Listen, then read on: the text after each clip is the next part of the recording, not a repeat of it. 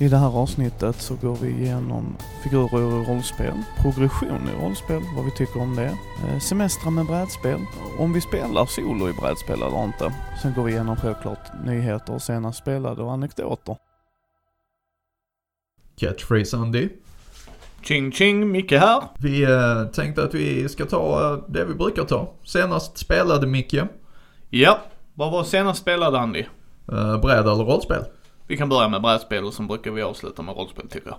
Okej, det senaste brädspelet jag spelade var eh, Potion Explosion. Fick lära mig det uppe på Gotcon.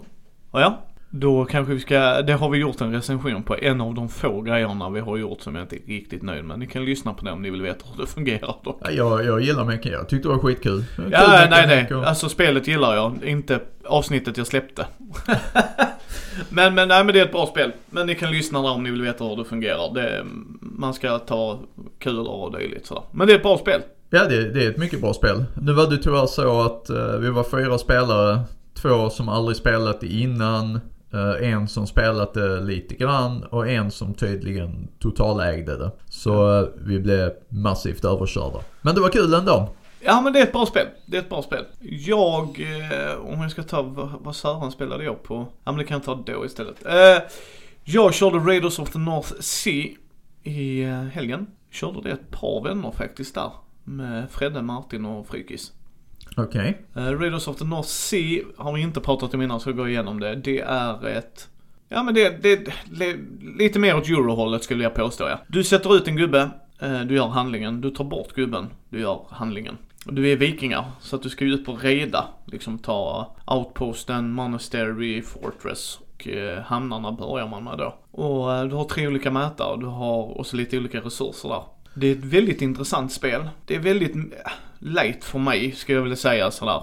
Det är inte så regeltungt, men det är fortfarande halvintressanta val och Men ett, eh, ett worker placement eh, euro. Är det det du säger? Ja, förutom när du går upp och raidar, det är då du börjar rulla tärningar.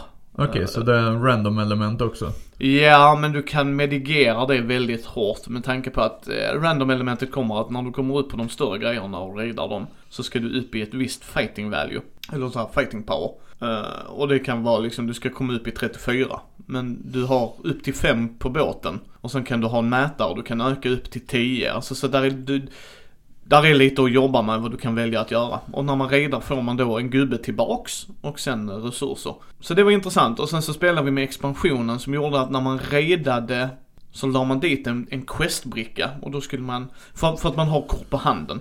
Det är också intressant ja, för du har, eh, när du har din crew på båten så har han en effekt. När du spelar han från handen har han en annan. Så det gör det väldigt intressant. Och så har de ett fighting value där uppe i hörnet, vänstra hörnet. Questarna behövde du kasta sådana, alltså discarda de korten, så fick du den questen. Det gjorde det intressant, att då var det liksom, och så kunde man då ju mer quest du gjorde och fick du ihop tre likadana typer av quests så fick du en annan bonus och det. Och det, det tillförde precis lagom mycket faktiskt. För att göra det, det, det kluddade inte till det. Utan det gjorde det mer intressant. Och sen var det mer mjöd som gjorde att du kunde höja ditt fighting value. Så att det var också ett sånt sätt mer att medigera de andra slumpelementen och det. Så det gillar jag. Mycket mysigt. Mycket, mycket, mycket mysigt spel. Ja, eh, och rollspel det körde vi ju tillsammans igår. Ja, jag är inte klar med brädspel. Men är shoot. det ju. Shoot. Har du spelat två samtidigt? Eh, samma dag så spelar vi Magic. Commander faktiskt. Och Fast det är inte ett brädspel, det är ett collective roll eh, card game. Nej, inte när vi spelar det. Då blir det som ett brädspel. Har du spelat Magic med Fredda någon gång? Eh, nej, jag har inga planer på att göra det heller. Det roliga var att eh, Frykis fick befara det du och jag gillar minst. Han fick manatorka. Och duktig manatorka. Han satt med två mana. Rundan han dog, då gjorde han sin tredje. och Frykis, men Frykis hade skoj ändå för han fick ju se lekarna och det. Alltså det var det han tyckte var trevligt. Men han satt där. Ingen mana. Och han mulligarna två gånger men han tänkte, jag kan inte ha fyra kort. Det blir ju bara löjligt. Sen i efterhand så tänkte han, nej det hade nog kanske varit att ha fyra kort. Eh, men vi spelade två vänner av det, så det var nice. Sen tror inte jag, har- jag hann inte spela så mycket brädspel på Gothcon förutom lite Dixit och nej, vi kutar runt rätt mycket. ja. Och jag fick eh, agera regelhjälp en hel del så det blev inte mycket spelat för mig heller utan det var sista kvällen som jag hade möjlighet att sitta ner. Ja. Nej, det var typ Dixit tror jag det var den enda jag hann spela. Men å andra sidan sett, nätverkande och alla de andra grejerna gick före ju. Men jag fick in, körde du din rollspelsgrej först, men jag fick in, det fick jag in på Gothcon. Jag fick in ett rollspelssektion där ju.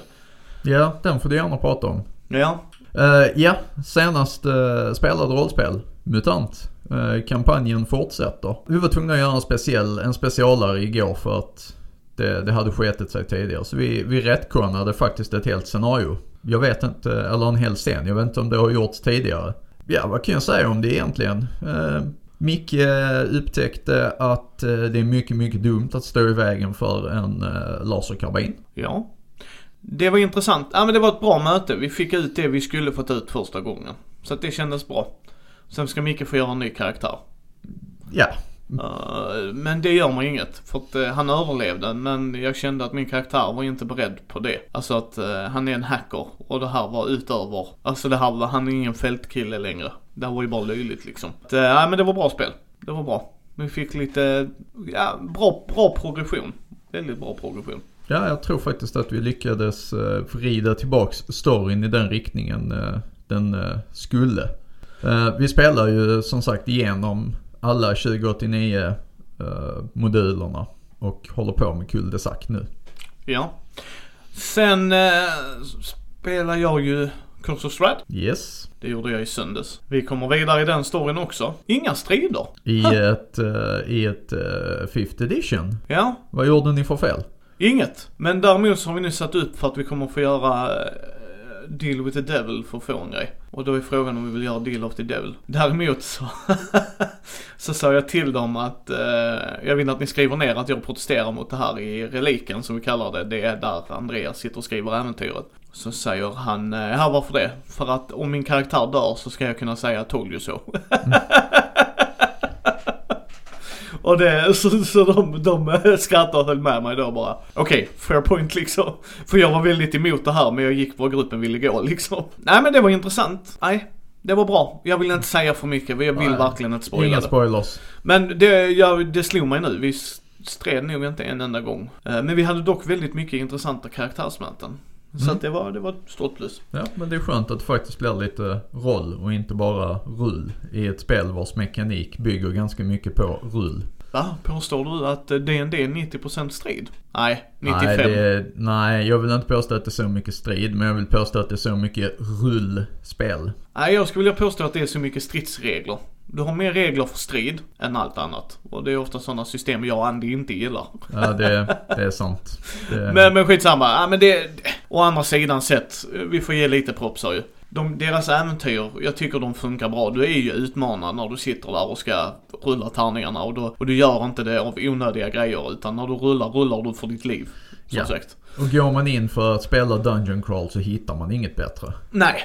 Det, så det håller, ja, det de gör, gör de helt okej tycker jag. Det är nog inte det bästa systemet men eh, det funkar. Finns ju en anledning varför det säljer ju. Eh, sen så, eh, det som jag kan prata lite mer om, inte själva äventyret i sig där heller, för att det är startäventyret till eh, Chock, åter från graven. Björn var så snäll och fixade in mig och Matrim där Ja, eh, på fredagskvällen. Så eh, jag har sagt detta i Gothcon specialavsnittet med props till Martin och Mattias som vi spelar med och som var jättesnälla mot Matrim och mot mig. Alltså att vi lät Matrim ta mycket plats. Vilket var bra. Det kunde gått riktigt illa när man spelar med människor man inte känner. Och props till dig Jonas som spelledare, det var väldigt trevligt. Han var en duktig spelledare. Och samma grej där, att han hjälpte Matrim och... Så eh, regelsystemet kan jag prata lite kort om däremot. Som jag tyckte faktiskt gjorde... Vi gillar ju skräck du och jag yes, Eh, jag har inte spelat Kult än, varken den nya eller det äldre. nej. Men det vill jag spela. Däremot så har vi spelat väldigt mycket Call of Cthulhu. Eh, Andreas sitter och nickar bakom skärmen Yes. och utgår från att ni hör det. Yes, och sen kommer vi spela av Krank, Mikael Bergströms Cthulhu. Det ska vi prova en dag. Ja, Jag köpte ju ett äventyr specifikt för det också, så det, det tänkte jag vi skulle prova en dag. Så vi gillar skräck. Och jag har köpt Bortom av Robert också. Det ska vi också prova, jag har hört gott om dem. Om det liksom. Men som sagt, vi är skräckfantaster. Så när jag fick höra att Chock åter från graven skulle komma upp, så fick jag titta lite på reglerna. Han ville ha lite feedback, Björn. Så det var jättesnällt att jag fick det om chansen. Och han vill ju ha ett snabbt system. För att det var lite som jag gjorde en intervju med Anders också där Fager. Att vi pratade just om det att Call of Cthulhu bygger du upp stämningen. ja, Det ska vara krypande, och det kan det vara i chock också va, men Björn ville ju åt pupkänslan. Och då ska det vara ett snabbt system. Då ska man inte liksom kontemplera tycker jag, alltså, utan då ska det vara snabbt. Så du har tre D6 du alltid rullar. Mm. Eh, spelledaren kommer välja en grundegenskap. Och du ska argumentera och motivera en färdighet som du kan lägga till där då. Okej. Eh, och det, det går rätt snabbt liksom, att här har du intelligens. Du ska googla grejer liksom. Ja men datorkunskap. Ja. Ja men rimligt liksom. Så, intelligens och det. Så du rullar 3 D6 lägger till dina sådana grundegenskaper och färdighetspoäng. Så till exempel om jag har tre grundegenskaper och tre färdighetspoäng så får jag då plus 6 på Ja. det slaget. Det menas att slår jag då 12 så lägger jag till 6 och får då 18. Och så är det 11 till 14. Det är ett difficulty system menar du? Ja men det är alltid samma grej. Så 11 till 14 så lyckas du men du får en negativ grej. 14 och över så lyckas du utan en konsekvens och sen 10 och ner tror jag, eller om det var 10 till 14. Eh, Det kommer jag inte exakt ihåg. Vilket jag tyckte var jätteenkelt för då vet du det. Ja, ja, okej. Men det, det bygger på ett, eh, på ett DC-system. DC som i difficulty ratings. Ja fast det är alltid samma difficulty rating. Ja, men det är många spel som har det. Jo men jag gillar detta ändå. Ja, ja, ja, ja, ja, ja absolut. Jag säger inte att du inte får lov att gilla Nej det. nej men jag menar om du tar difficulty class i DND då ska du ju sätta det för varje Ja, scenario. men i DND så det, det är inte så jag menar. Utan när jag pratar eh, difficulty system så pratar jag just färdighetslag. Ta uh, West End Games uh, Stjärnornas krig. Du har ett difficulty du ska slå eh, och du har ett visst antal tärningar för att slå över den. Men har du samma difficulty varje gång? Eh, för de flesta handlingar ja. Ja okej. olika, ja, men, han, olika handlingar kan ju ha olika. ja, ja men okej. Men här var det samma för allt. Okej? Eh, och det gillar jag, för som sagt det ska vara ett snabbspelat spel. Eh, så difficulty-klassen är samma, men du har ju olika grundförutsättningar för att göra varje grej. Och jag gillar det. Och sen har du då att du kan lägga till en tärning, som när du har liksom en fördel. Då lägger du till en tärning och tar bort den lägsta. Eller så lägger du till en tärning och tar bort den högsta.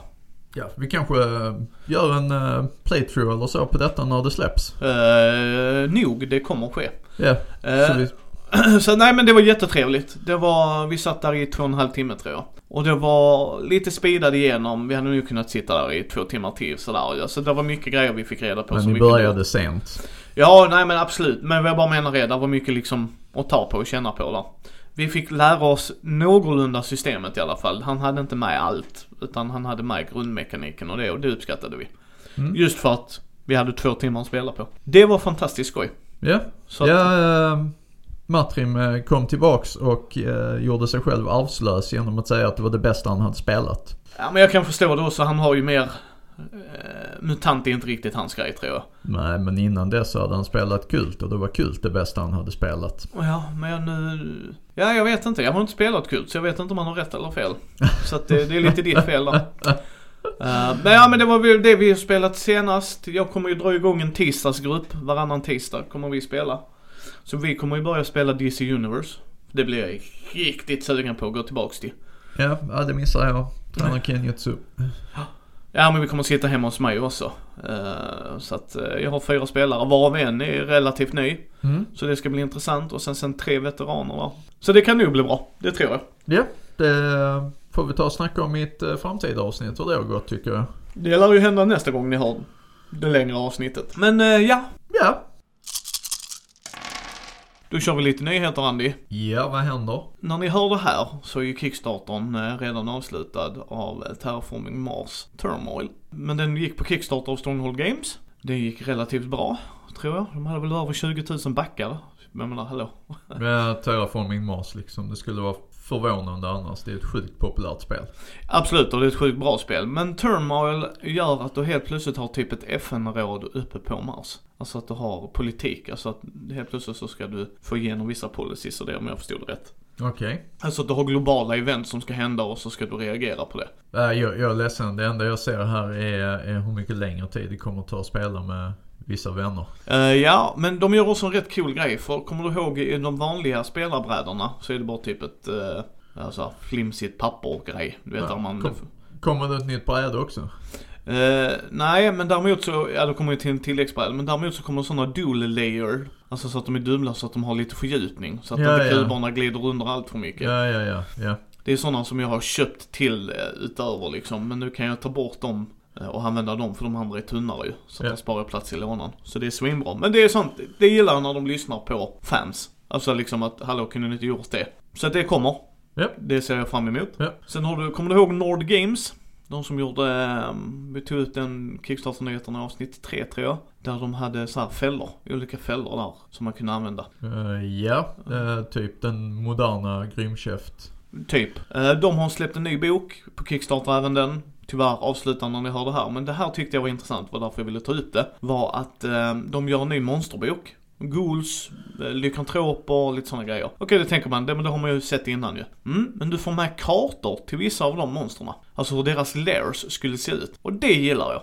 Ja okej, så att eh, lata spelledare Ja, inte lata om du inte har inspiration, om du känner att du rehashar det. Så kan det vara intressant att se hur de har tänkt sig att uh, lykantrop-lair ser ut. Jag, jag, jag tycker det är en intressant take, sen får man ta vad man vill, men jag, jag gillar sånt. Om inget annat kan man få inspiration. Nej, jag tycker det låter lite grann som att oj, vi pallar inte hitta på mer info om monstren och sånt här så vi stoppar in lite bilder. Nej, de hittar redan på en massa info. Det här var bara kaka på kaka. Vi har grädde på moset. Ja, nej jag, jag har inte sett den, jag ska inte dissa den för mycket. Uh, vi försöker att inte dissa saker. Nej men de har gjort intressanta grejer innan. Jag har ja. uh, böcker från dem innan så att jag gillar det de gör. Så all heder till dem. Ja, nej men den kommer. Det är en nyhet. Vet du vem John Wick är? I um, rollspelssammanhang? I rollspelssammanhang? Uh, inte på rak arm, nej. Känner igen namnet. Ja, han har gjort bland annat Seventh Sea, rollspelet. Ja, ja, ja. Um, han har gjort en del annat också. Ja. Chaosium har plockat upp honom. Okej. Okay. Uh, till vilket projekt? Nej, nej. Hela hans bolag. Och han, så att han jobbar för Chaosium nu. Okej, okay, så... Seven Seas finns under Chaosiums uh, fana. Okej. Okay. Ja, det... Och han kommer att jobba för andra projekt för dem också. Ja. Så att det inte bara är Seven Seas utan. Uh, så Chaos, Chaosium plockade upp honom. Så det var lite såhär små. Ja, det kan bli ett intressant samarbete.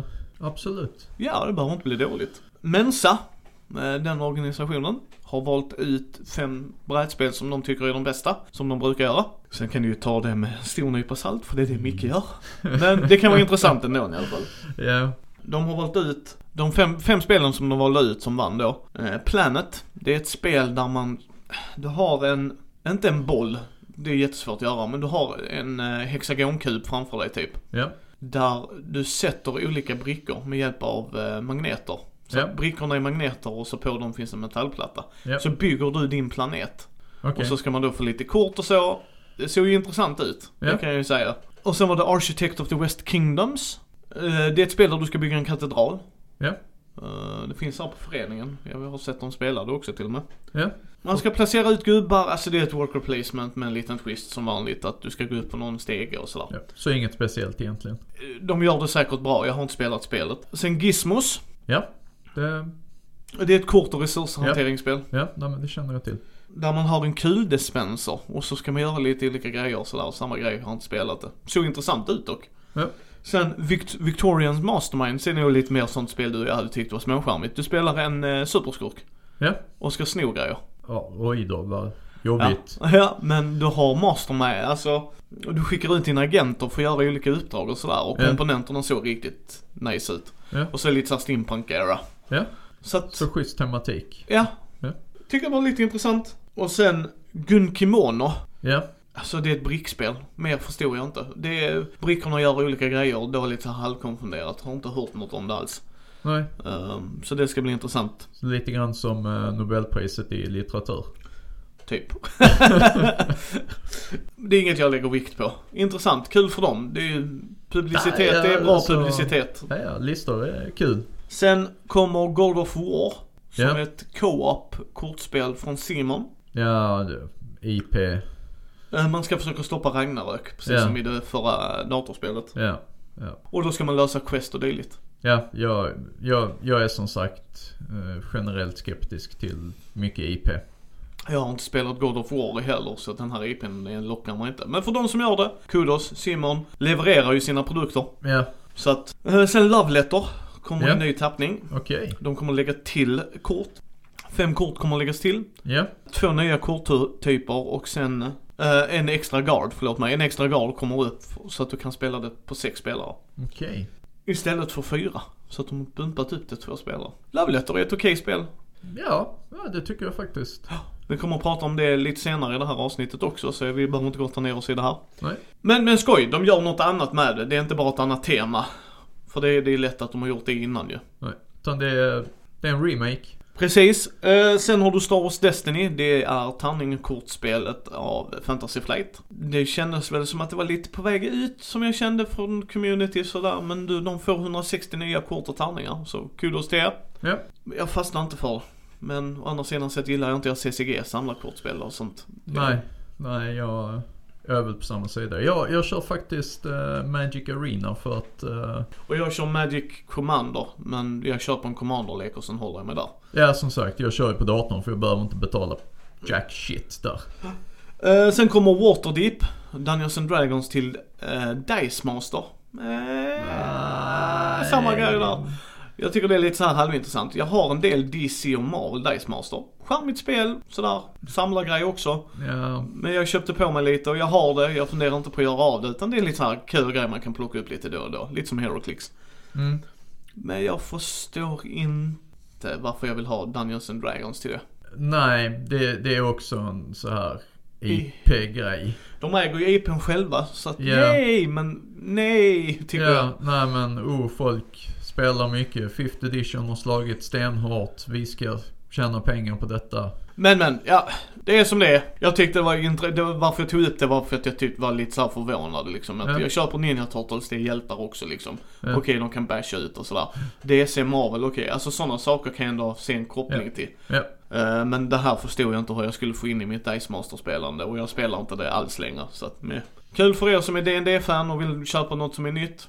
Okej. ja, Mekaniken är helt okej. I Dice Master du bygger ju en tärningspool. Alltså du köper loss tärningar med hjälp av andra tärningar och sådär. Mekaniken är intressant faktiskt. Eh, sen så avslutar vi med, sen avslutar vi med här Alien, RPG. ja. Fria Ligan har ju fått Ja. den licensen. Det ser jag fram emot. Det gör jag också. Eh, trots den kritik du har fått. Ja, från vissa. Men det är ju inte så här jättestor kritik heller tror jag. Men jag tycker det är intressant ändå. Jag ser fram emot settingen. Sen har jag hört att det ska vara MUTANT år 0s regelmotor. Och för mig spelar det ingen roll om settingen väger över. Ja, jag, jag är väl lite grann så här beroende på settingen i, eh, i Alien är väldigt spretig tycker jag. Jag menar, gör, gör de det till typ eh, Prometheus så tappar de nog mig ganska snabbt. Och likadant om de skulle göra det till eh, tvåan, den som heter Aliens. Som egentligen inte är en Alien-film utan som är en eh, Vietnam, eh, dacka, dacka, dacka, granater, boom, boom. Eh, film i rymden. Ja. Nej men vi får se ju, det är som jag Mm. sa. Att det var någon som skrev, då kanske det bara passar bäst som one-shots. Och det ser jag inget fel med. Nej, nu är jag på väg att säga fula ord här. eh, igen. Men uh, one, one shots är ju fantastiskt. Och har man Dissa ett inte system, det. nej och har man ett system som funkar specifikt för det så kan Ja. man ju plocka fram det då och då. Så nu kör Ja. vi en one-shot, nu vill jag köra lite Alien. Ja, alltså jag, jag har redan fått minst 50 idéer i huvudet. På den, på, I den settingen.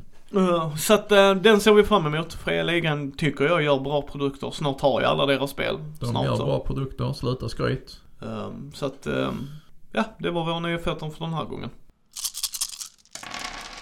Solobrädspel. Uh, do's or don'ts. Nej men alltså spelar vi solo? Eh, Vi tar frågan så här som jag har skrivit den. Spelar vi brädspel solo? Om ja, varför? Om inte, varför? Och jag kan svara på den frågan direkt. Jag spelar inte brädspel solo. Jag tar inte upp ett brädspel och sitter och spelar det själv. Nej, och jag lägger inte heller patiens. Så hur ska vi gå vidare härifrån om vi är helt överens? Nej men jag tycker vi kan ändå ta upp det för det här är intressant. Jag vet att folk spelar solobrädspel. Och de tycker det är jätteroligt att få fibbla med komponenterna. All heder till er. Men jag spelar datorspel där. Det är där, om jag har tid över och ska spela någonting så tar jag inte upp ett brädspel och sätter mig och spelar utan då startar jag Assassin's Creed Odyssey. Alltså de RP-spelen som jag vill sitta och spela. Så att det är liksom, för mig handlar det om, för jag fuskar. Helt ärligt. Om jag hamnar i ett problem där jag stöter på ett bekymmer så väljer jag att ignorera det för att jag bara sitter där. Alltså det blir ingen utmaning för mig. Jag vet att jag är sån. Om jag skulle lägga patiens själv och det inte klickar så bara, nej men det gälls inte då så. Alltså förstår du att det blir ingen, Ja, ja, ja, ja, ja, jag förstår vad du menar. liksom och då, då, då är jag bara ärlig med mig själv att men det här kommer inte funka så du kan stryka detta Micke och gå vidare med ditt liv liksom. Ja. Eh, Nu vet jag inte varför spelar inte du solo? Ja, alltså vi, vi pratade om detta precis innan vi, eh, vi slog på eh, inspelningen. Och då sa du att det finns kanske spel som jag kan tänka mig att spela solo. Jag spelar eh, Elder Signs eh, solo. Eh, både digitalt och eh, hemma. Eh, jag skulle nog kunna tänka mig att plocka fram Arkham Horror och spela solo. Eh, nu när jag tänker efter. Ja, jag, jag kan inte. Alltså eh, för mig, mm, mm, mm, mm, nej. Nej, jag finner ingen njutning i det. Jag kan däremot spela portningen, alltså om vi tar Lords of Waterdeep, och spela mot en AI. Det kan jag göra på plattan och sitta i soffan och göra det. ja, ja, ja, men det är ju en helt annan sak. Precis, precis. Men det är inte det jag pratar om. Utan jag, jag gör inte det. det är, jag rent ut sagt tvärvägrar sätta mig och spela ett spel själv. Och nu menar inte jag att man spelar för att prova reglerna. Det skulle jag kunna tänka mig att göra. för bara. då har man en virtuell spelare vars Ja. drag man själv gör. Precis. Utan nu pratar jag om att sätta upp ett storydrivet spel. Till exempel Arkham, Mansion of Madness. Det skulle jag i teorin kunna sitta och spela. Men jag vill inte för att det, det ger mig inget. Personligen pratar jag här nu. All heder till er som kan göra det. Men jag vill ha någon. När jag tänker brädspel tänker jag minst en spelare till. Två spelare. Gärna fyra liksom, men sådär. Men det är vad jag tänker. Jag tänker inte på solospel. För för mig handlar det dels om setup, teardown. Alltså jag gillar Nej, inte alltså de det- grejerna i överlag. Nej men alltså jag pratar personligt liksom. Jag gillar ju inte ens det när vi spelar flera spelare. Det är ju det sämsta jag vet. Sätta upp spelet och ta ner det. Ska jag då göra det när jag sitter själv liksom? Det är de grejerna som bara, nej tack. Ja, Nej, alltså det, den biten har jag väl inga problem med. Men jag undrar vilken typ av spelare det är som faktiskt uppskattar solospel. För de måste ju finnas. Annars, annars hade man ju inte satsat på att Eh, göra eh, och skapa regler för den möjligheten. Jag har hört en kille på Dice Tower som har pratat om att han är en introvert människa. Att han tycker det är jobbigt att spela med människor ibland, alltså att det blir liksom så här. Och då spelar han brädspel eh, för att ladda sina batterier. Så det kan jag tänka mig är en typ. Jag tänker mig de som vill spela med fler spelare, men inte har det i närheten. Spelar nog solo kanske. Nu killgissar jag som en chef här, men det skulle jag kunna tänka mig. Men de problemen har ju inte jag. Jag kan ju nästan till varje vecka spela med Fredde. Det har jag ju min andra spelare menar jag. Vi har turen där att Fredde pluggar så som han gör så att han... Ja, precis. Det Liksom. finns... Vi, vi, har en nästan obegränsad spelarpool omkring oss. Ja, och sen samma sak där varför jag oftast inte söker mig till onlinegrupper för rollspel. Nu har jag, ska jag vara med och spela med några eh, och prova att vara spelare så det ska vara intressant att prova liksom. Inte ha så mycket press på att göra äventyr. Men jag är inte så överförtjust i den biten av samma anledning. Jag har mina spelare i närheten. Ja, rollspel ska ju vara intimt, inte kallt. Eh. Nej men det, och det kan man nog göra intimt via men jag bara säger av samma anledning där. Alltså att jag tror jag är bortskämd med det. Och mm, hade jag kanske inte haft folk att spela med kanske jag hade spelat solo. Jag tror fortfarande inte det för att jag är gamer överlag. Och jag gillar att spela mina datorspel. Det är då jag spelar mina datorspel. Jag har 700 timmar i Sid Meier Civilization 5 liksom. Och varför har jag det? Jo för att jag gillar att sitta och göra det när jag är själv. Men så fort jag har någon annan med mig, med det sagt så gillar jag att spela online-spel också, att Andy och jag kan sätta upp ett online-spel och spela. Men om jag och Andy sitter i samma rum, då sitter ju inte vi och spelar konsolspel, utan då tar vi fram ett Ja, brädspel. jo, konsolspel kan vi spela. Jo Det- men oddsen, oddsen är ju inte att det är det ändå, utan då är det att vi inte orkar resa oss från soffan grejen. Förstår Eller för, att, eller för att Micke är rädd att få stryk i tecken. Micke spelar inte tecken. Så att Micke vill spela Super Mario Bros och så inser jag vilka skills han hade som barn och uppser shit, Micke börjar bli gammal. hoppa, hoppa, hoppa. Så sitter man som sina föräldrar, du vet när man tryckte upp precis. kontroll. Men Jo. alltså, som sagt. Det jag stör mig på solospel, det kan jag säga direkt. Det är när man märker att ett förlag har tryckt in ett solo bara för att det ska vara ett solo. Det, Ja, och det är tydligt i vissa fall. Ja, det är okej att spelet fungerar så. Alltså att, ja men det går skala från 1 till 4 jättebra. Ja, från början. Från början, ja men det är liksom lugnt. Då har du haft en idé. Co-op brukar vara så. Ja, inte alla co-op-spel. Nej, många inte- Pandemic funkar så. Uh, Mansion of Madness fungerar. Fast det blir jättekonstigt när de helt plötsligt blir galen och det. Det är där jag tror det faller lite kanske. Men, ja. så du har ju de bitarna ju. Men det, där kan jag säga att jag stör mig. Och det, och det är inte bara för att det är solospel ska jag säga. Det är när, när någonting trycker in en annan grej bara för att. Ja. Nej, det... Sen så kan det vara liksom A eller B. Det, I det här fallet jag så bara, nu kan du spela det här solo. Okej, var det tanken från början? Nej, men folk vill ju det. Ja, eller snarare... Ah, Okej då. cyniska jag säger att ah, nu har vi fått lite ont om idéer. Vi trycker in detta här och så säljer vi det för någon hundring och tjänar pengar. Jag har inga problem att en expansion gör det däremot, för den kan ignorera på ett helt annat sätt. Ja, Alltså, men- förstår du vad jag menar? För- Ja, ja, men då är inte det huvudgrejen. Precis, precis. För det, det, det kan jag ignorera. Men, eh, nej jag vet inte. Jag är inte mycket för solospel alls. Jag har inte tagit upp ett brädspel någonsin i mitt liv och kört solo. Har aldrig funnit tjusningen. Alla, du vet hur mitt rum ser ut. Jag är där på brädspel efter brädspel efter brädspel. Jag har Ja, aldrig gått vet. in, tagit ett spel och så bara nu ska jag köra detta solo. Jag har tagit ett brädspel och sen frugan och jag har satt mig. Ja. Det tycker jag är jättemysigt och jätteroligt och sådär. Men det skulle inte falla mig in. Jag vet inte varför. Jag tror jag är för lat. Setup, teardown och så bara är det jag som spelar. Sen vet jag att det ska finnas jättebra solospel. Seventh Continent och de sakerna va. Men det känns liksom jättekonstigt att köpa ett sånt spel.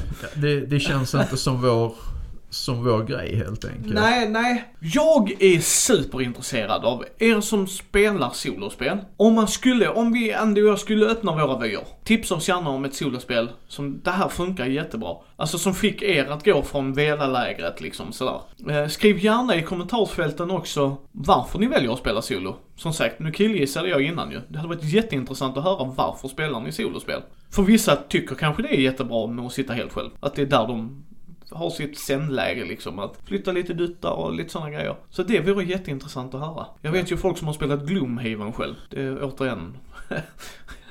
Men ja, ja, jag är inte den spelaren. Nej, nej precis. Och eh, att använda en AI-spelare på en platta är inte detsamma som solospel. Det tycker inte jag. För att för det första så sitter jag oftast och gör något annat. Alltså typ jag slötittar TV med frugan. Hon vill titta på någon serie som jag är så måttligt intresserad av. Jag har fortfarande koll på TVn liksom men där sitter jag och spelar Lords of Waterdeep som jag tycker funkar jättebra eller Carcassonne liksom. Men det är emot AIn. Jag Ja. skulle inte sätta upp Carcassonne på vardagsrumsbordet och titta på TV med henne samtidigt som jag spelar Carcassonne mot mig själv. Nej.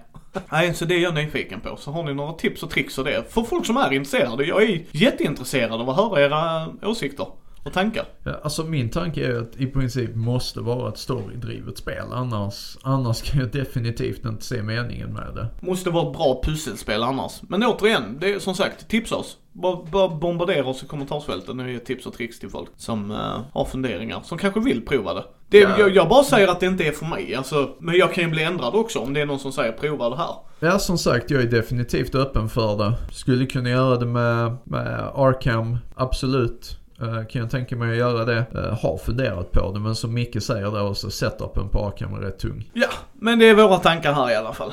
Som sagt, bombardera oss. Japp.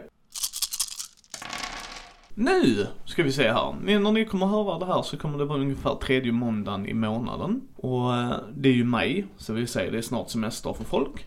Och då tänkte vi faktiskt köra lite så här bra resetips. Brädspel på resande fot så att säga. Jag har haft med, ska jag säga, både när jag har rest i, inom Europa sådär, men även när vi körde till USA. Och vi var liksom tre, fyra nördar. Så hade vi med oss lite brädspel. Vi köpte ju brädspel där också självklart, men vi hade ju med några i handbagaget liksom. Ja, jag är ju, eh, alltså om man tar och tittar på vad jag har köpt senaste året i alla fall. Så har det varit saker som eh, har fått plats i en vanlig väska. Eh, gärna mer än ett. Ja men, precis, ja men precis. Så jag tänkte vi skulle ge lite tips och råd. Folk som är lite såhär, ja men eh, vad kan man resa med? Först och främst, vill ni ha ett big box spel med? Ha det liksom, det bryr man inte om. Men vi pratar lite mer om de mer lättillgängliga. Däremot ska ni få ett tips. Har ni ett big box grej med er så kan man oftast sampacka massa småspel i en grej. Så har man ett stort spel man känner, det här vill vi spela. Ta ut insorten, Jag vet att det här händelse för vissa, inte för mig. Jag hotar dem oftast. Och sen så kan man liksom sampacka mindre spel. Så som när vi åkte ut till Gothcon, det var ju så vi gjorde. Ja men alltså det är ju nödvändigt om man vill. Eh, det, vi, vi har ju kritiserat eh, luft i lådor tidigare. Precis, Eh, så det är ett tips. Men nu pratar vi om småspel som är enklare att ta med sig. Både om man eh, liksom åker iväg på solsemester och kunna ta med sig ner på stranden till exempel. Eller eh, när man åker under och bilar någonstans och vill sitta på restaurangen. Och Mm. Väldigt små skrymselspel. Ja, och då är ju eh, kortspel, eh, olika typer, är väldigt enkla att transportera och ha med sig. Abstrakta spel också, alltså små abstrakta. Så att det beror på lite, men vi kör. Eh, Ja. Jag, jag har en lista jag hade funderat ut så jag kan ta den och så kan du väl fylla i då. Eh, jag vill bara börja med att säga att det är helt okej att ta med Yatzy om man vill det. Ja, Yatzy, helt okej. Det har jag spelat mer än en gång. Tar du med Uno-leken slänger jag den däremot. Det är helt okej att ta med Uno också men uh, Micke spelar inte då. nej. Yatzy är helt okej för mig att spela. Eh, men då, då kan vi börja. Jag har haft med mig Diamonds som är ett trick-taking game. Och eh, där kan vi säga generellt trick-taking spel. Alltså, tänk plump och så. Ja, Eh, Alltså att man ska ta ett stick. Där hade Ja. det, förlåt mig. Svenska versionen är stick. Man ska ta stick. De spelen gör sig oftast bra, som Andy säger. Man har en kortlek. I Diamonds har du lite diamanter och så också, men det kommer i en fin liten påse. Du Ja. kan sampacka det rätt smidigt. Eh, Och sen har du en sån sköld, alltså där du har ditt eh, valv, eller vad heter det? Kastarvalv. ja, Men det är ett jättesmidigt spel, jättefina komponenter. Det är en vanlig kortlek, lite sådana äh, grejer. Går ner i en ziplock-påse, skrymsel, du kan liksom vikas och dukas och sådär. Mm. Jättecharmigt, jättemysigt. Tar inte allt för mycket plats, utan du kan sitta vid ett litet kafébord och spela det, bara man är lite så här, tänker på, tänker på det liksom sådär. ja. Det rekommenderar jag jättemycket. Om man är med sin partner rekommenderar jag Hive. Nu har jag Hive Carbon som kommer i en sån liten tygpåse. Ja men alltså när man har spelat Hive ett tag så börjar det bre ut sig. Det behöver inte göra det, för att du har Pocket också nämligen. Ja, jag har aldrig sett pocketversionen. Nej, och det ska vara mindre, som jag förstår det. Eh, Ja det får man ju Men Hive, hoppas. ja, men Hive kan du nämligen spela när du sitter på badstranden. Om barnen springer runt och badar och man har koll på dem. Så kan, för att de är tjocka Ja och det är brickor. plastbrickor. Precis, så att du, du kan sitta där på eh, filten och spela eller handduken. Tantrix. Eh, samma, uh, samma upplägg. Det är också hexagoner man lägger ut för att uh, plasthexagoner kommer i en uh, påse med uh, uh, dragkedja. Man ska bygga ihop sådana här linjer, snirkliga. det är ganska trevligt. Ja, sen har vi, sen har vi ett annat så här, um, roll and write som det kallas genren. Rolling, ja, Rolling America. Det finns också Rolling Japan eller något sånt. Du, man har varsitt penna och papper.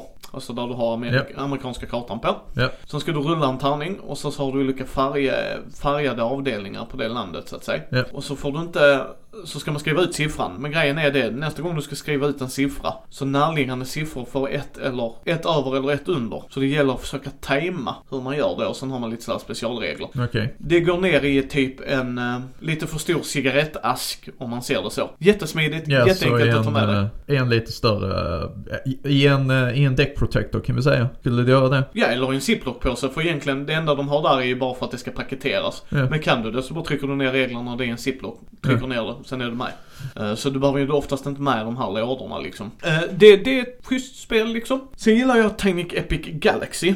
Eh, Det har lite mer tibelyta. Men det kanske är när man sitter eh, ute på hotellrummet med polaren eller frugan eller partnern och sådär. Men det har lite mer punch tycker jag. Lite mer val, intressanta val och sådär. Det är från Tiny Epic-serien. Det, det går ju ut på att det var länge sedan jag spelade men jag har haft med det när jag har rest och vi har spelat det då mycket. Det är kortdrivet. Och så Ja. vill du då ta över planeter och, och beroende på då hur man gör och så där dylikt. Kolla upp det för övrigt. Jag är jättedålig på att förklara det här. Det var jättelänge sedan jag spelade. Men Ja, vi behöver inte gå igenom alla regler här heller. Nej, men det är ett väldigt intressant snabbspelat spel som paketeras litet, men stort, kan vara stor bordsyta, men fortfarande väldigt trevligt spel. Sen har vi Bonanza. Ja, det, det är ju, A deck of cards. ja. Det, som Det är Andy sa, jättebra. har du, har du en deckbox. eh, De, eh, vad heter de, Ultra Pro har, Ja, har sådana billiga, bara släng ner protectors.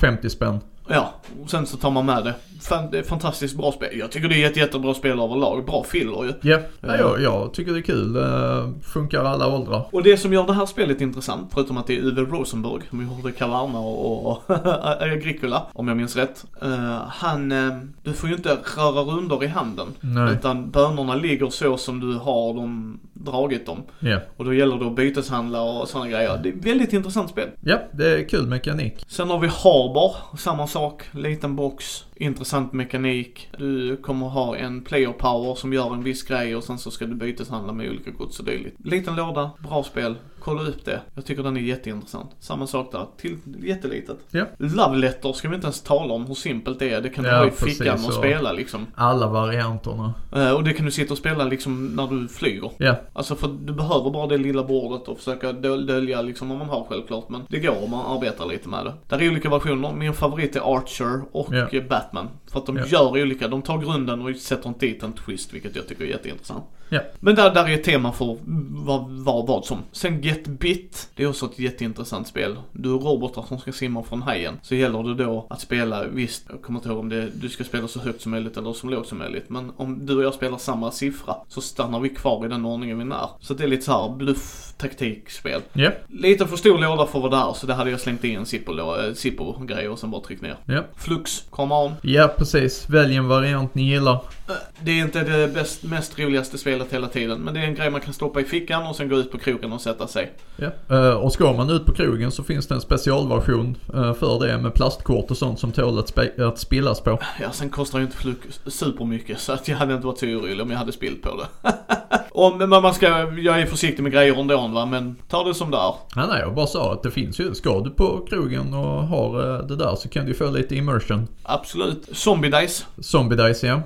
Pumpa har den versionen som är nyligen där du har eh, en påse. Och det funkar ju. Det Ja, funkar ju jättebra. Ja. Jag har en version där det är en sån tärningsburk, men den funkar också för att den är solid, den jag har. Så jag liksom har alla tärningar, regler och sen så liksom håller den sig. Så den gillar jag. Den gillar jag jättemycket. Det är push or luck. Visst, man kan tycka så här tråkigt, men det är lite för de yngre kidsen kan vara bra att ha med sig. Som sagt, när du bara står och väntar på en grej. Och sen Quirkle. Ja, Quirkle är ju också... Det tar lite mer utrymme på bordet, men beroende, jag tror det ska finnas reservationer nu också av det. Och det är ju att man ska kombinera olika symboler eller färger. Och får man då till fyra eller fem av de symbolerna så gör de quirkle och så får du lite mer poäng och så. Ja. Det är utbyggnadsspel. Ett av de få spelen min pappa har spelat med mig i. Vi spelar en hel sommar varje kväll. Och det var Ja. jättemysigt. Ja, nej, men det, det är ett bra spel helt enkelt. Ja. Kräver lite... Kräver att man tänker till.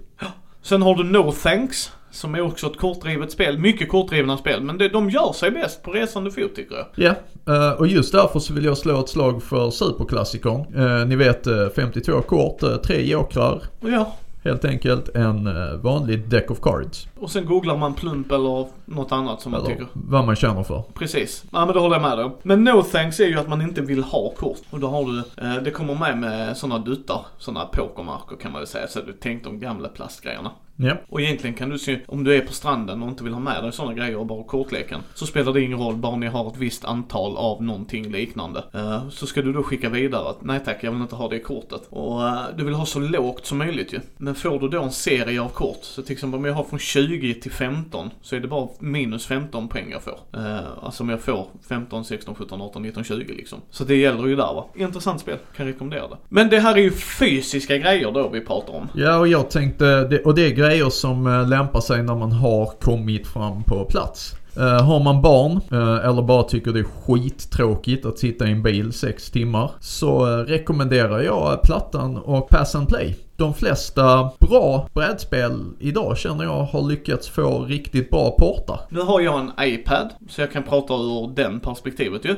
Och där finns Lord of, Lords of Waterdeep som jag har spelat jättemycket. Uh, jag tycker de har implementerat det jättebra. Carcassonne, Carcassonne, ja precis. Jättebra. Smallwood, Jättebra. I princip allting som Ja. har Pass and Play. yes, Ticket to Ride, alla de. Ja. Det håller jag med om. Jag rekommenderar, som Andy sa, om man sitter i bilen och någon kör, Sitter på tåget, har tråkigt. Flyg. Flyget. funkar Där är jättebra. ofta...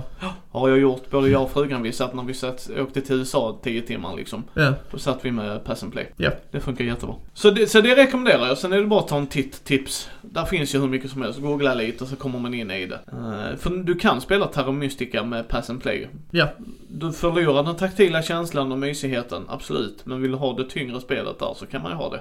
Ja, Sen är jag ju sån när jag är på semester upplever jag den, men jag tycker det fortfarande är mysigt att sätta sig på kvällen med ett brädspel. Eh, Ja, jag håller med. Eh, Men jag är väl, jag, jag är väl inte så mycket för det. Åker jag på semester så åker jag på semester. Brädspelen spelar jag hemma och på vägen dit och hem. Ja, eller så spelar jag när jag är där och sådär. Alltså jag brukar ju kolla upp brädspelscaféer och sånt av en anledning. Ja, Men jag tycker det- om- fortfarande om- ha, ha en sån du vet i ryggsäcken. Jag tycker fortfarande det är bra för man hamnar i stunder där, nu får vi sitta och vänta på en grej. Vi plockar upp ett litet spel och spelar. Ja, precis. Och då, då kör jag på, på sådana som inte tar så stor plats. Gärna kortspel. Uh, Guillotine, uh, jätteenkelt. Det är 115 kort.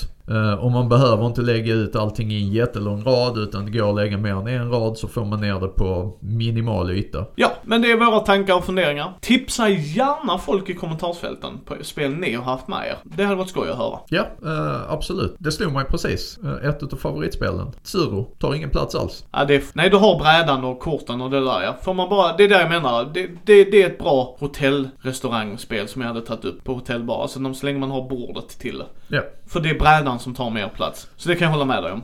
Det kan jag hålla med om. För, för, för de andra komponenterna är rätt så här. Så att liksom, och som sagt, man gör som man själv vill. Jag har inte med de stora grejerna av en anledning. För blir jag av med ett litet flux så kan jag köpa ett litet flux. Blir jag av med brass så blir jag av med brass liksom alltså. Ja. Och var inte rädda för klassikerna. Uh, Battleship, uh, en vanlig kortlek. Uh, vad har vi mer? Svälta räv tyckte min uh, farfar om av någon anledning. Jag, nej morfar, jag kan inte begripa det men det var väl en generationssak. Nej men alltså, allt som funkar. Men det här är tipsen. Om ni vill ha lite gamers games, alltså såhär brädspelstips, så, eh, så de som vi nämnde där. Ta en kik på dem. Jag spelar dessa spelen utan att resa också. Det, då kallar jag det filler games. Men det är lite det jag vill ha på en resa. Jag vill ha ett filler game. Vi sitter och äter och jag och Andy väntar på maten. Vi tar fram giljotin eller vi tar fram Quirkle. Om vi sitter på en fin rest- alltså större restaurang, typ hotellrestaurangen. Så kan vi ta ut det och sitta och spela. Liksom på kvällen och kontemplera hur dagen har varit och det. Ja. Det, är, det är som Andy säger, det är inte vad, vill ni ha spel som, ja då får ni kolla annat. Detta är filler games som ni kan fylla ut kvällar och sånt med. Framförallt filler games som är kompakta. Precis. Men det är våra tankar. Jag hoppas ni får ett bra semesterår för de som åker iväg på semester. Så. Ja, och även de som stannar hemma och chillar. Ja, och då kan man ju ta sina favoritspel och spela och grilla och ha mysigt. Vi hoppas på en bra sommar i alla fall. Men det var vårat i alla fall. Ja, fyll på med era tips. Ja, för guds skull, skriv det i kommentaren.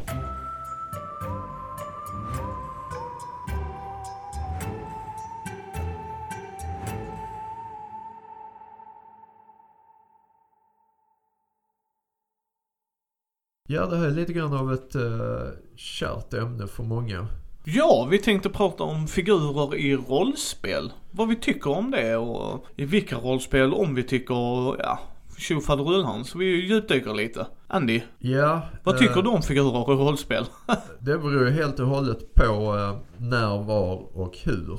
Jag kan se dem fylla en funktion i rullspel där positionering är väldigt, väldigt viktigt. Eh, och för folk som har svårt med minds eye. Vissa människor eh, lever sig lite lättare in i grejer om de så här visuellt kan se eh, monstret de ska slåss mot eller så här. Själv har jag aldrig haft det, det behovet men jag, jag respekterar de som har det. Här är min take. Eh, lite som Andy är och snuddar på. I rätt rollspel, även utan rull, så kan det fungera beroende på gruppen och spelare. Jag vet spelare som vill veta var de står någonstans för positionering. Däremot så vissa av dem nöjer sig med en karta. Att man bara ritar, du står här, han står här. Det funkar för vissa, vissa vill ha den visualiserade biten. För att de har jättesvårt att göra en koppling till det. Alltså att jag måste veta så att jag kan flytta mig själv och få den positionering jag vill. Men med det sagt så har det oftast hamnat, handlat om i spel där det är ett moment. Dungeons and Dragons. Ja. De har ju regler för strid och hur man flyttar och sådär. Medan Call of Cthulhu, nej, där, där skulle jag aldrig sätta en figur. Och skulle jag sätta en figur så skulle det vara en handout. du hittar den här grejen, rör du den? Nej. Det är snarare den här att så. Den dörren kan du springa till, det fönstret kan du hoppa ut genom. Eh, och där kan du sparka Andy i knävecket för att springa ifrån honom. Ja. Sorry bro. Eh, så att jag håller med Andy. Det, när du fyller en funktion, nu är vi där igen som precis som med plast i brädspel. När du fyller en funktion. En sak jag känner eh, mycket med detta, det är att ofta så förväntas spelledaren att ha allt detta också. Han förväntas att ha figurer, ja okej vissa spelare eh, vill gärna ha sin egen gubbe. Men spelledaren förväntas ha alla monster, förväntas att ha battle maps och så vidare och så vidare och så vidare. Och då kan jag säga att jag är spelledare, jag har a shitload of things att göra ändå. Och sen är det en kostsam grej. Det är inte bara det. Det, det kostar. Titta, Reaper Miniature, och vi kommer gå igenom detta. Jag- Alltså om man ska ha figurer, så Andy ju proklamerar att han vill ha mindre figurer, 15 mm. Och det, det köper jag va. Men fortfarande, jag tycker att man ska, man ska vara fullt fult medveten om att det var bra Andy tog upp. Jag har en battle map jag är nöjd med, för den kan jag använda utan att vi behöver använda gubbar. Det är bara ett bra enkelt sätt för mig att rita upp en grej. Men den kostar fortfarande. Och det är inte alla spelledare som har råd. Och den tar plats på bordet. Den tar plats på bordet, den tar plats hemma. Punkt. Alltså det är ingen grej som man bara, sen har du fliptails, du har alla de grejerna. De grejerna har jag också. Och det är inga problem med det. Men, de skulle jag inte betala för. Utan där skulle jag göra som Jocke gör här. Han, han letar ut bra grejer på nätet, han printar och han laminerar. Absolut. Men jag valde att köpa för att jag, det funkar för mig. Men alltså, alla har sett liksom, men man ska fortfarande komma ihåg att även om Andy skriver ut och laminerar så tar han sig tiden att skriva ut och laminera. Det är inte gratis det heller. Nej. För vi snackar inte om en karta liksom, utan nu snackar vi flera kartor. Jag har inga problem att man gör det. Men man ska vara jättebra att Andy tog upp det. Det kostar. Nu har vi bara pratat kartan. Nu ska du tänka dig figurer. Ja, då tänker du jag har min hjälte. Ja, då kan du hitta på Reaper Miniatures, det rekommenderar jag. Även om man får betala tull och det så har de helt okej figurer till helt okej pris. Finns bättre grejer i Europa. Nej, Jo. Då får Micke du... har ingen koll på detta. Vi ska gå igenom detta efteråt Micke, du och jag. Säg nu, vilket ställe kan jag köpa figurer som kostar dig 20 spänn? Inte ens 20 spänn, som kostar dig typ 8 kronor. Uh, företag i huvudet? Ingen aning. Vi går hem till min dator och kollar mina bokmärken. Eh, det kanske finns, jag skulle vilja påstå att eh, du får vad du betalar för. De ligger i Polen oftast. Ja, men återigen, du googla. Jag rekommenderar Reaper Miniatures. Jag har köpt dem och de funkar för det. Jag tycker som sagt, det kostar fortfarande, även om det kostar 8 kronor per gubbe. Ja, nu tänker du dig att han ska ha ett monster, han ska ha en drake, han ska ha, och draken kostar liksom 80 spänn kanske. Jag tycker fortfarande det är överkomligt, men det är hela tiden som Andy säger, det läggs på. En, en goblin kommer inte själv, till exempel. Nej. En ork kommer inte själv. Nej. Det är inte så här solobossar hela tiden. Och sen har du NPCer eller så här dylikt och det kostar ju. Vill man ha det då får man ju, jag är, jag köper ju mina figurer själv. Men det är för att jag har ekonomin till att göra det. Men jag kan ju inte sätta den epiteten på någon annan. Utan mina spelare har tur att jag tycker det är intressant. Men hade de inte tyckt det eller att jag inte hade haft det intresset själv, då får man ju faktiskt pitcha in lite själv. Vill ni köra med figurer så får ni ha ett snack i gruppen. Ska vi köra med figurer? Ja, då får ju inte spelledaren bara köpa allt. Då, får, kan man, då kan man göra en pott tycker jag. Mm. Och sen kan vi komma in på det här också med skala. eh, Där jag och Micke inte är helt överens. Äh, Micke kan inte måla 15 mm. Uh, Micke målar inte sina 28 i heller, så det är en icke-fråga. Jo, Micke målar visst sina 28. Micke sitter hemma emellanåt och målar dem. Och Micke har tyvärr inte öga för de andra. Hade jag haft Eh, det så, Och då, då vill jag säga en annan sak också. Att jag skiter i om figuren är målade eller inte, om de bara är där för positionering. Jag propagerar 15 mm för att du kan göra så mycket mer. Alltså kartan blir dubbelt så stor med 15 mm skala. Helt plötsligt så blir det meningsfullt att använda avståndsvapen. Ja, alltså jag har inga, tar du ut dina 15 mm så kommer man ju inte brusha av dem liksom, utan det är bara att jag tar ut mina 28 mm. Alltså så att jag, jag håller helt med. Det är helt och hållet, och återigen, alltså vill, vill jag ha 28 mm gubbar och Andy vill ha 15, då får vi ju komma under överens med liksom, Andy kommer ju inte köpa 28 mm.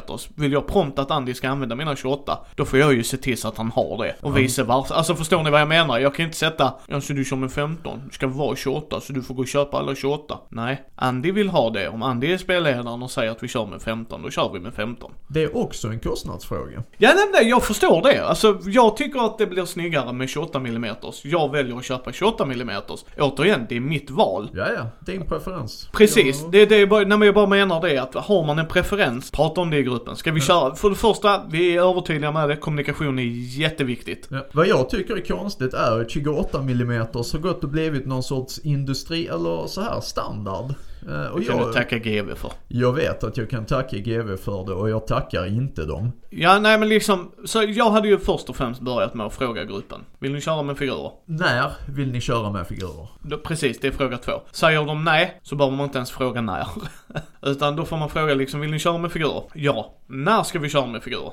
I strid bara. Bra. Då är, då är vi, då kan spelledaren förbereda sig att ta fram de figurerna han ska ha, liksom allt sånt där. Jag har spelat D&D utan figurer och funkat jättebra. Eh, Ja, jag spelar alltid utan figurer. Utom när jag spelar med Micke. Nej men vissa gånger, jag kan säga så här, ju fler man är, då fungerar figurerna tycker jag. För att då blir det positionering, då, då får folk säga vad de vill göra. Jag har sett att det fungerar. Är vi fyra personer som de har tänkt sig, har jag aldrig sett poängen. Och sen är det också så när Andy och jag ofta spelar med folk som kan hantera det, så använder inte vi figurer. Men vi, vi har spelat med folk som behöver figurer också. Alltså jag känner att figurer tar väldigt, väldigt mycket fokus från, från det som är viktigt. I en strid ska det vara action, det ska gå fort, det ska vara stressigt.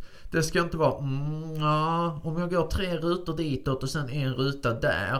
Så kommer jag ut på hans flank och då får jag den bonusen.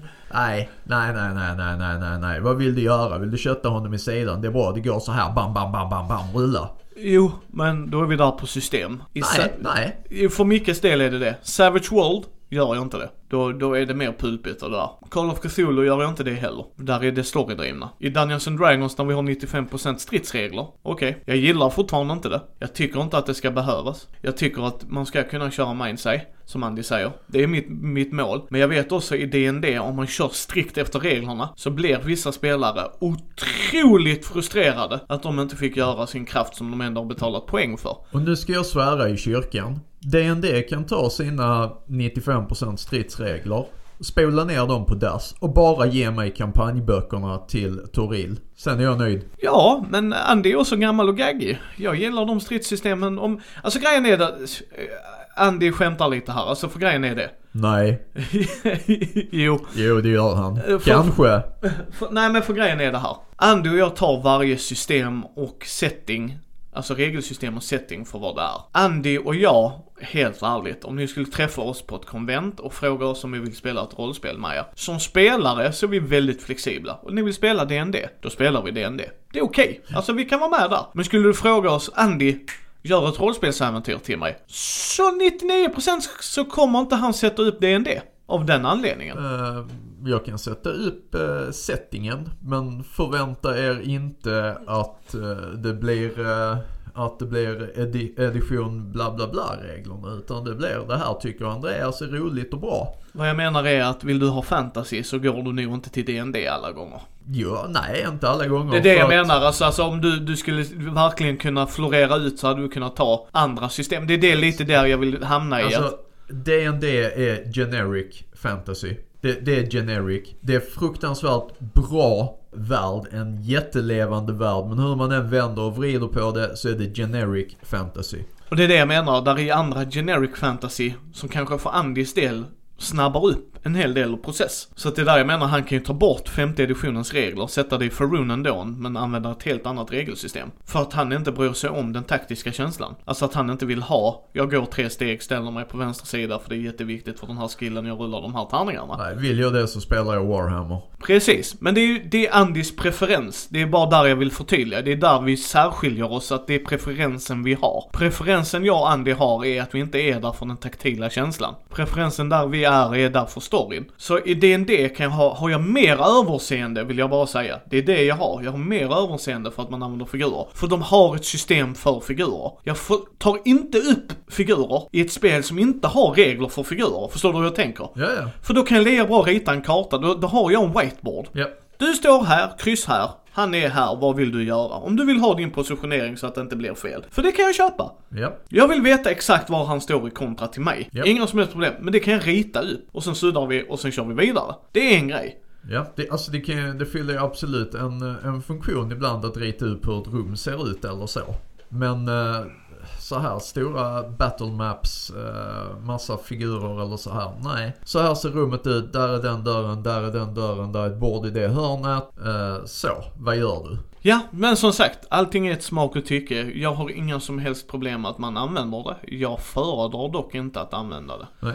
Utan jag föredrar Mindsay, jag föredrar. Eh, det, det fyller en funktion, alltså det gör det. Folk som För använder... vissa spelare. Precis, folk som använder det använder det ju av en anledning och då fyller det en funktion. Vad Andy och jag menar är att vi behöver inte ha det där. Det är där skillnaden är. Och sen vill jag bara upplysa, precis som Andy sa, det är en bra poäng. Det kostar med figurer. Det kostar Och det kostar- mycket. Det, det kan göra det åtminstone. Och eh, det, det beroende på om man har tur liksom att man har en spelledare som har gamla Warhammer Fantasy. Ja men då har han ju man investerat i det. Och här vill jag komma med ett tips. Eh, vi har redan pratat om att printa och eh, laminera istället för att gå och köpa svindyrt. Jag såg en eh, snubbe, jag kommer inte ihåg vilken YouTube-kanal nu. Men han använde bara basplattor, printade ut monster tokens, limmade och lackade. Och badaboom badabang. bang. Det tog ingen som helst plats. Han fick hur många monster som helst i en vanlig sortimentlåda.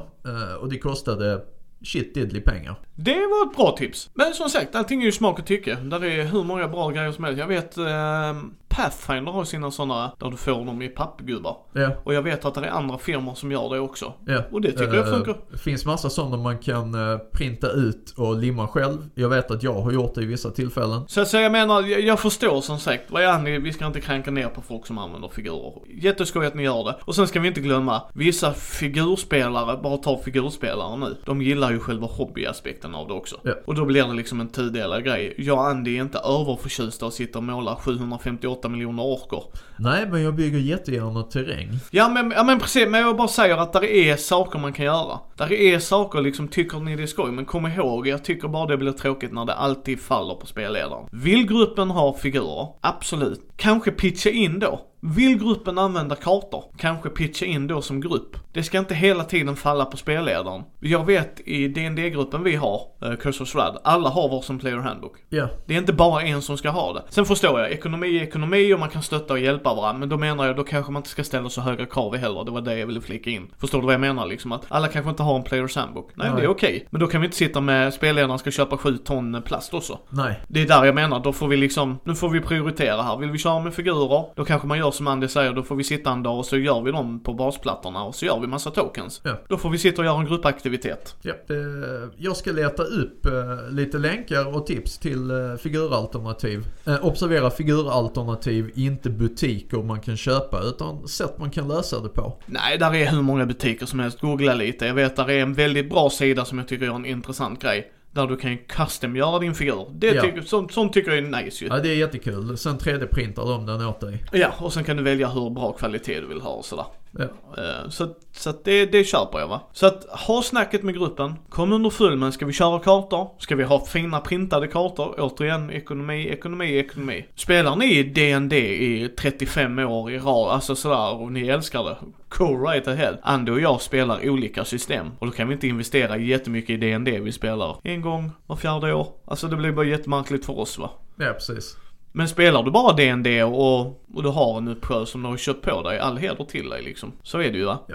Och jag har ju faktiskt lyckats fixa fram unika karaktärer till eh, varje gång vi har kört D&D. Men det beror ju också på att jag en gång i tiden spelade Warhammer och har kilovis med bits hemma. Så är det också va. Men som sagt, eh, jag, vi är inte super emot det, det är inte det. Vi, jag vill inte att vi avrundar när man säger att vi är anti det. Utan det är bara, det är inte vår spelstil. Nej, alltså jag är inte anti det överhuvudtaget. Eh, bortsett från att jag tycker att det tar förbannat mycket plats. Eh, ansvaret läggs oftast på fel personer. Eh, det vill säga eh, allting hamnar på spelledaren. Det, det är han som ska släppa runt allting, fixa allting. Han ska ha förberett alla kartorna för han vet var monsterna står när striden kommer. Hur ser den här skogsgläntan ut? Han har väl att göra ändå med att skriva story och driva den. Där är ett bra tips. Där är vissa firmor som faktiskt gör pusselbitar. Så när du har förhandsritat det så är det bara att du vänder dem upp och ner.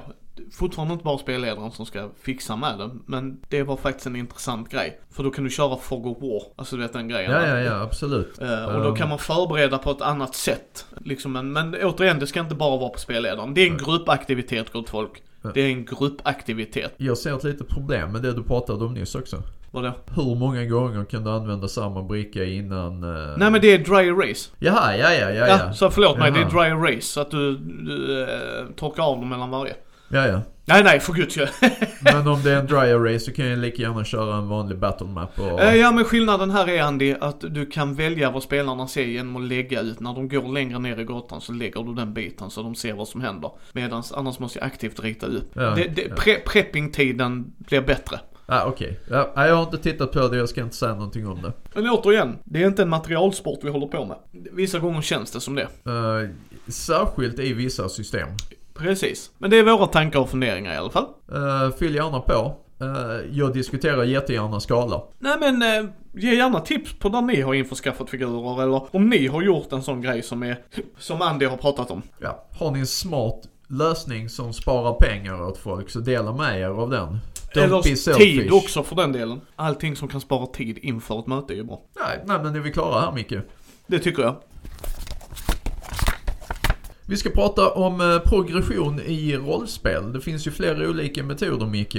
Nämn några. Eh, XP, Milestones, Eh, när du lyckas med ett slag, när du misslyckas med ett slag, när spelledaren känner för det. Men det brukar ju nog infalla under milestones egentligen. Ja, det behöver det inte göra. Jag kan säga att jag ofta delar ut bonus när jag tycker att någon gör någonting kul eller Ja. bra eller... Sen har du ju, förlåt, eh, vissa system gör ju att du samlar ihop till en sak. Typ 5 XP gör att du får en sån powerpoint till exempel. Ja, Så är det ju. Det är ju inte bara så att XP ger dig en automatisk level. Men vi kan väl gå igenom dem lite snabbt då. ja, ja eh, alltså vi, vi kan ju börja med att eh, förklara skillnaden mellan levelbaserade system och icke-levelbaserade system. Precis. Levelbaserade system, vi tar den mest uppenbara i rummet här, Dungeons and Dragons, Ja, är ju att du kommer, eh, precis som i World of Warcraft, visst antal XP gör att du går över kanten och får en ny level och tack vare den nya leveln, så får du nya powers och abilities. Precis. Icke sådana levelsystem är Call of Cthulhu, vårt favoritsystem, Ja,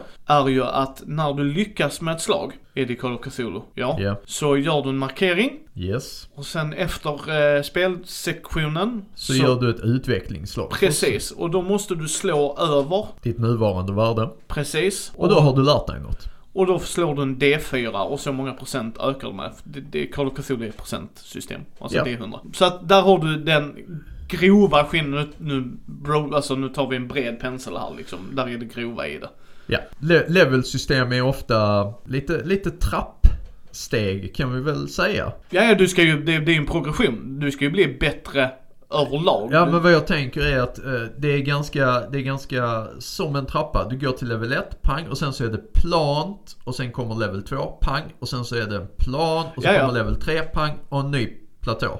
Men det var lite det, är det jag menar. Du går från 0 till 100. Du ska bli mer episk. Det är det den trappan symboliserar. Du är lite halvkass, blir lite bättre. Du är lite halvkass, du blir lite bättre. Och det är universalt bättre du blir. Medans i progression i icke-levelbaserat så använder du en skill upprepade gånger. Då är det ju den du förbättrar. Använder du Ja. inget annat så förbättrar du inget annat. Ja. Du som karaktär i helhet blir inte mer awesome. Nej. Och där kan jag säga att det finns ju system där som eh, faktiskt applicerar motsatsen också. Om du inte eh, nyttjar dina färdigheter tillräckligt mycket så glömmer du bort saker, du tappar kanske i finmotorik eh, och du riskerar att förlora, att backa i, i färdighetsvärde. Det har jag inte varit med om än, men jätteintressant. Däremot så är det också andra system som när du misslyckas, det är då du får göra ett slag. För att du lär dig något. Vilket jag tycker är intressant och positivt på ett sätt. För att det är egentligen så man lär sig något känner jag. Eller ja, man Ja, kan ju lära, ja både och, både, Både och. och. Men, men jag tycker det motiverar folk att prova med grejer. Att, åh jag misslyckades med min 10% chansskill. Men då ökar du ju oddsen att du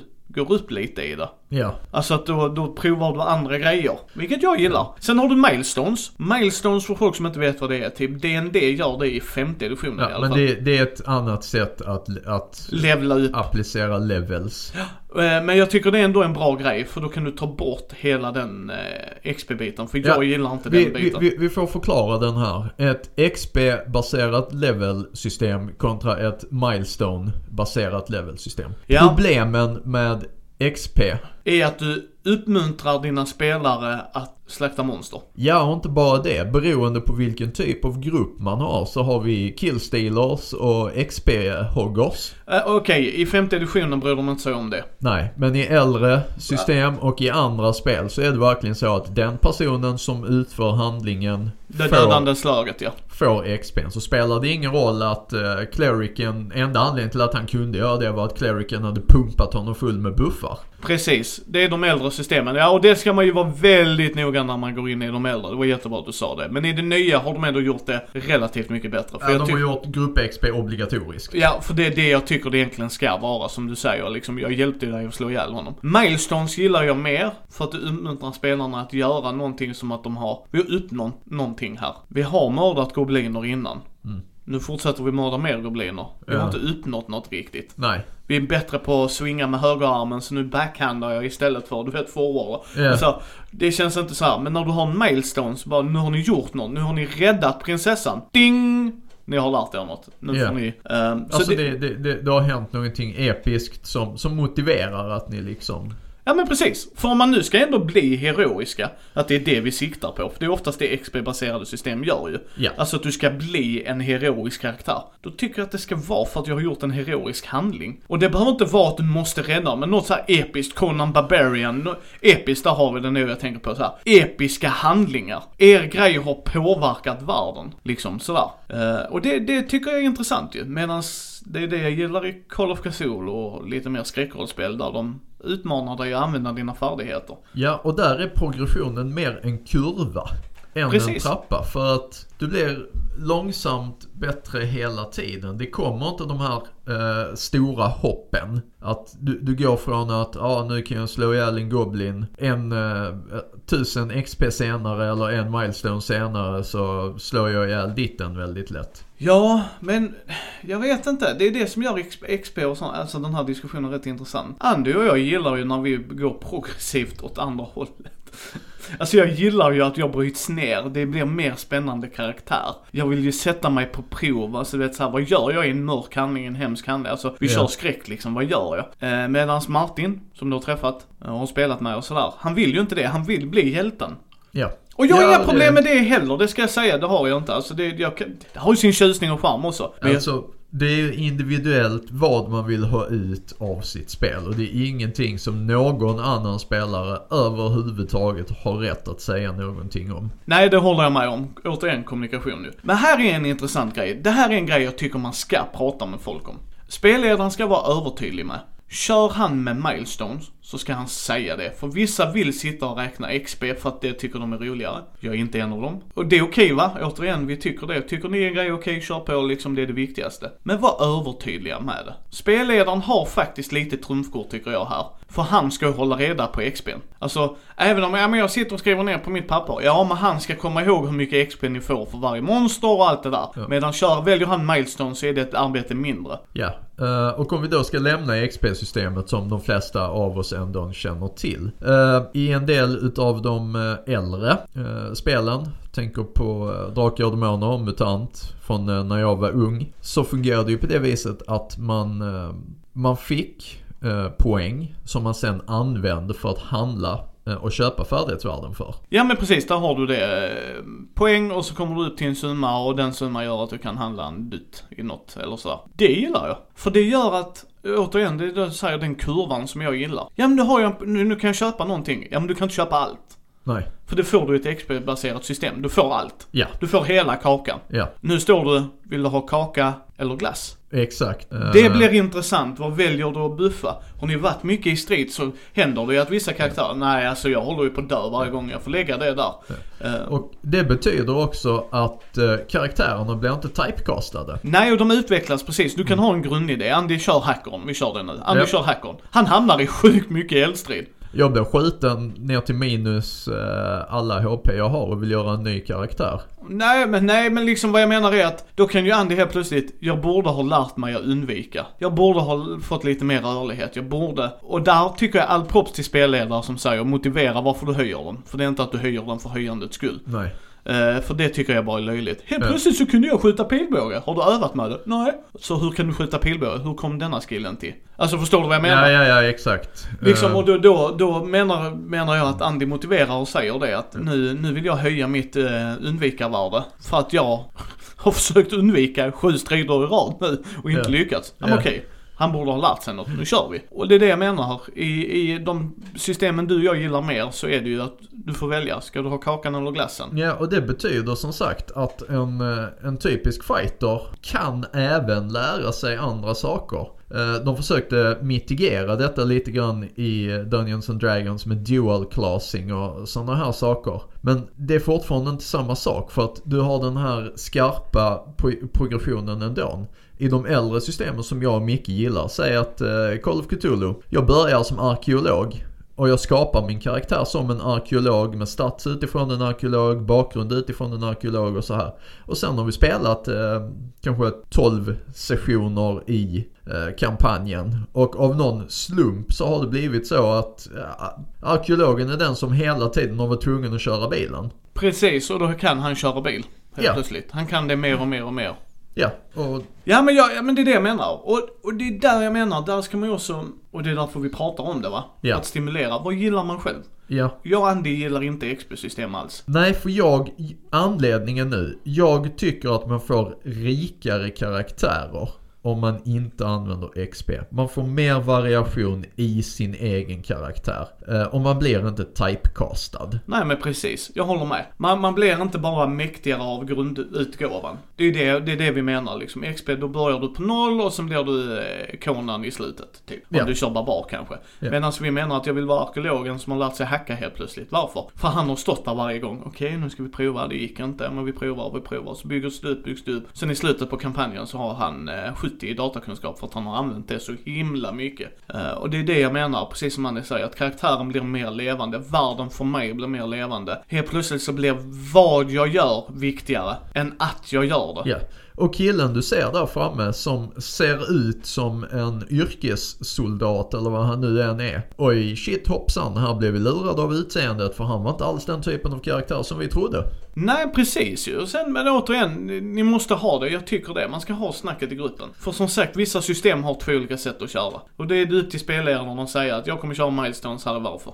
Ja, jag tycker att man kan i princip alltid homebrewa antingen det ena eller det andra systemet. Det kan man också göra, absolut. Men jag menar är liksom att ska man köra XP-system, alltså att, eller där, att man ska bli, gå upp trappan som du sa. Ja, Då ska man ju övertydliga hur man vill göra det och då gäller det för spelarna också att yttra sin åsikt. Då ska man inte sitta där och vara sur att, ja men jag gillar att sitta och räkna XP. Ja men då får man ju säga det till spelledaren att jag tycker att det är en del av det roliga. jag, jag måste säga, jag, jag måste bara ge en anekdot här på en av de största anledningarna till att jag inte gillar eh, XP-system. Det, det var när jag var yngre och dummare och spelade eh, ICEs eh, Middle Earth Role Playing Game. Där hade vi en level 1 magiker som med hjälp av en dolk eh, och en osynlighetsmantel lyckades stabba ihjäl en jätte, få 5000 XP i en attack och hoppa upp 5 levels eh, medan resten av gruppen stod kvar på level 1. Ja, nu händer ju inte det i D&D nya, för att där är grupp-XP Nej, nya nej. Ja, precis. Och det är därför det är jättebra att Andy tar upp de äldre. För när någon säger att nu ska vi köra ett äldre system, ha det snacket då. Hur fungerar? Hur gör du med XP? Är ni ju helt okej med att det är så, då är återigen, rulla på. Jag tycker inte det blir roligt, för då handlar det ju bara om vem som hade tur. Ja, Rent konkret. ja precis. Och så uppmuntrar man killstealing och jag vet inte vad. Och så blir det osämja i gruppen och rätt vad det är så har man tre karaktärer som är fyra level över de andra och spelet blir inte roligt för att det är helt obalanserat. Vi har pratat om just den saken tidigare. Ja.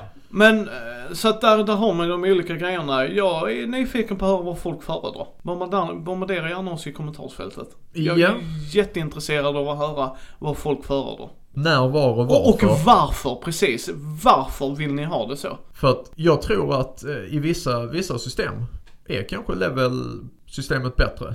Till exempel det, det och det. Jag tror Ja. det finns en anledning till att Ja, de ja, har ja. det. Dun- Dungeons and Dragons har ju det av en anledning som sagt. Det är ju bara att kolla på hur de skriver sina äventyr ju. Ja. Skulle du inte köra med Milestone eller XP och köra något annat, jäklar vad du får jobba som spelledare för att få det att gå ihop. Ja. För de har räknat kallt med att de, när de är level 5 så klarar de det här. Mm. ja, exakt. De har sina challenge ratings och, Pre- precis. och så. Eh, och det kan vi tycka vad vi vill om sådär ju, men det får man vara beredd på. Ja. Säger spelledaren att han homebrewar Curse of Strad, då ska ni bara wow, wow, wow, wow. Har du tänkt på de här grejerna? Men så länge ni har kul, kör på. Jag är ju inte sån som är sån, det vet, vet både Andy och jag liksom. Så, så att jag är jättenyfiken att höra på vad folk tycker. Vad tycker Vil, ni? vilken typ av progression föredrar ni? Precis! Och varför föredrar ni den? Men det var väl ungefär allt vi har att säga här tror jag. Yes, it was. Så, nu ska vi köra lite anekdoter. Det här hände i DC-kampanjen, som jag höll i liv i 3-4 år. De var ju hjältar. De började lämna Gotham och jag, jaga en väldigt uråldrig person som ville få ihop magiska stenar och blev det staff wielder. Det var lite såhär plotten jag körde. Så att fick man alla de magiska stenar, ädelstenarna och staven och kombinerade det så blev man den mäktigaste individen på jorden. Eh, jag hade en sån rätt stor metaplotter där. En av stenarna fanns på OA och för de som inte kan DC så mycket så är det där Gröna Lyktan-gänget hänger. Eh, det är där de eh, Guardians är, så att säga. De, ehm, där var ett tempel. Det var liksom så jag körde. Varje ädelsten hade ett tempel. Och eh, de lyckas med det templet rätt bra. Det var ju däremot ädelstenen de plockade upp var väldigt specifik. I min värld, när jag kör DC, homebrewar jag rätt mycket ju. Men då är ju att magi kostar. Det är det jag tycker är intressant. Och då menar jag inte mana, utan kraftig magi har en dålig effekt. Så till exempel, jag hade en läkarsten som sa att du läker det. Men du får skadan av den du läker. Till exempel. Och Martin, han, eh, han tar upp den här stenen. Och eh, hela gruppen blir eh, neandertalare. Och bara går under och typ rätt in i en vägg, någon börjar tugga på böckerna och liksom verkligen så här. Så sätter han ner stenen. Och det här är en grej jag verkligen älskar med Martin. Så tittar han, då blir alla normala igen. Tar han upp stenen. Ah, då derpar de sig. Sätter han ner stenen. Så han bara okej, okay, då har någonting med deras kunskapsnivå att göra. Eh, då visar det sig att han blir, tar deras kunskaper och blir mycket smartare.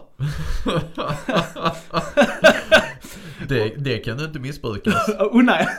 uh, och då när, för de åkte med en hiss upp till det här stället, det var så jag valde att göra det. För att de bodde med en snubbe som var väldigt magiskt kraftig också, alltså han hade mycket magi. Och de hade han som allierad och hade sin bas där så att säga. Och den hissen kommer med, och de hade husalvor nämligen. Det är en grej jag ska ta sen, men de hade husalvor och en av de husalvorna var hisskötaren så att säga, så han står ju där. Så när han tar upp, uh, så, så går alla in i hissen, de har ingen aning om vad som händer. Alltså spelarna vet ju vad som händer men karaktärerna har ju liksom ingen aning om vad som händer för att de minns ju inte det. Utan de blir bara uh.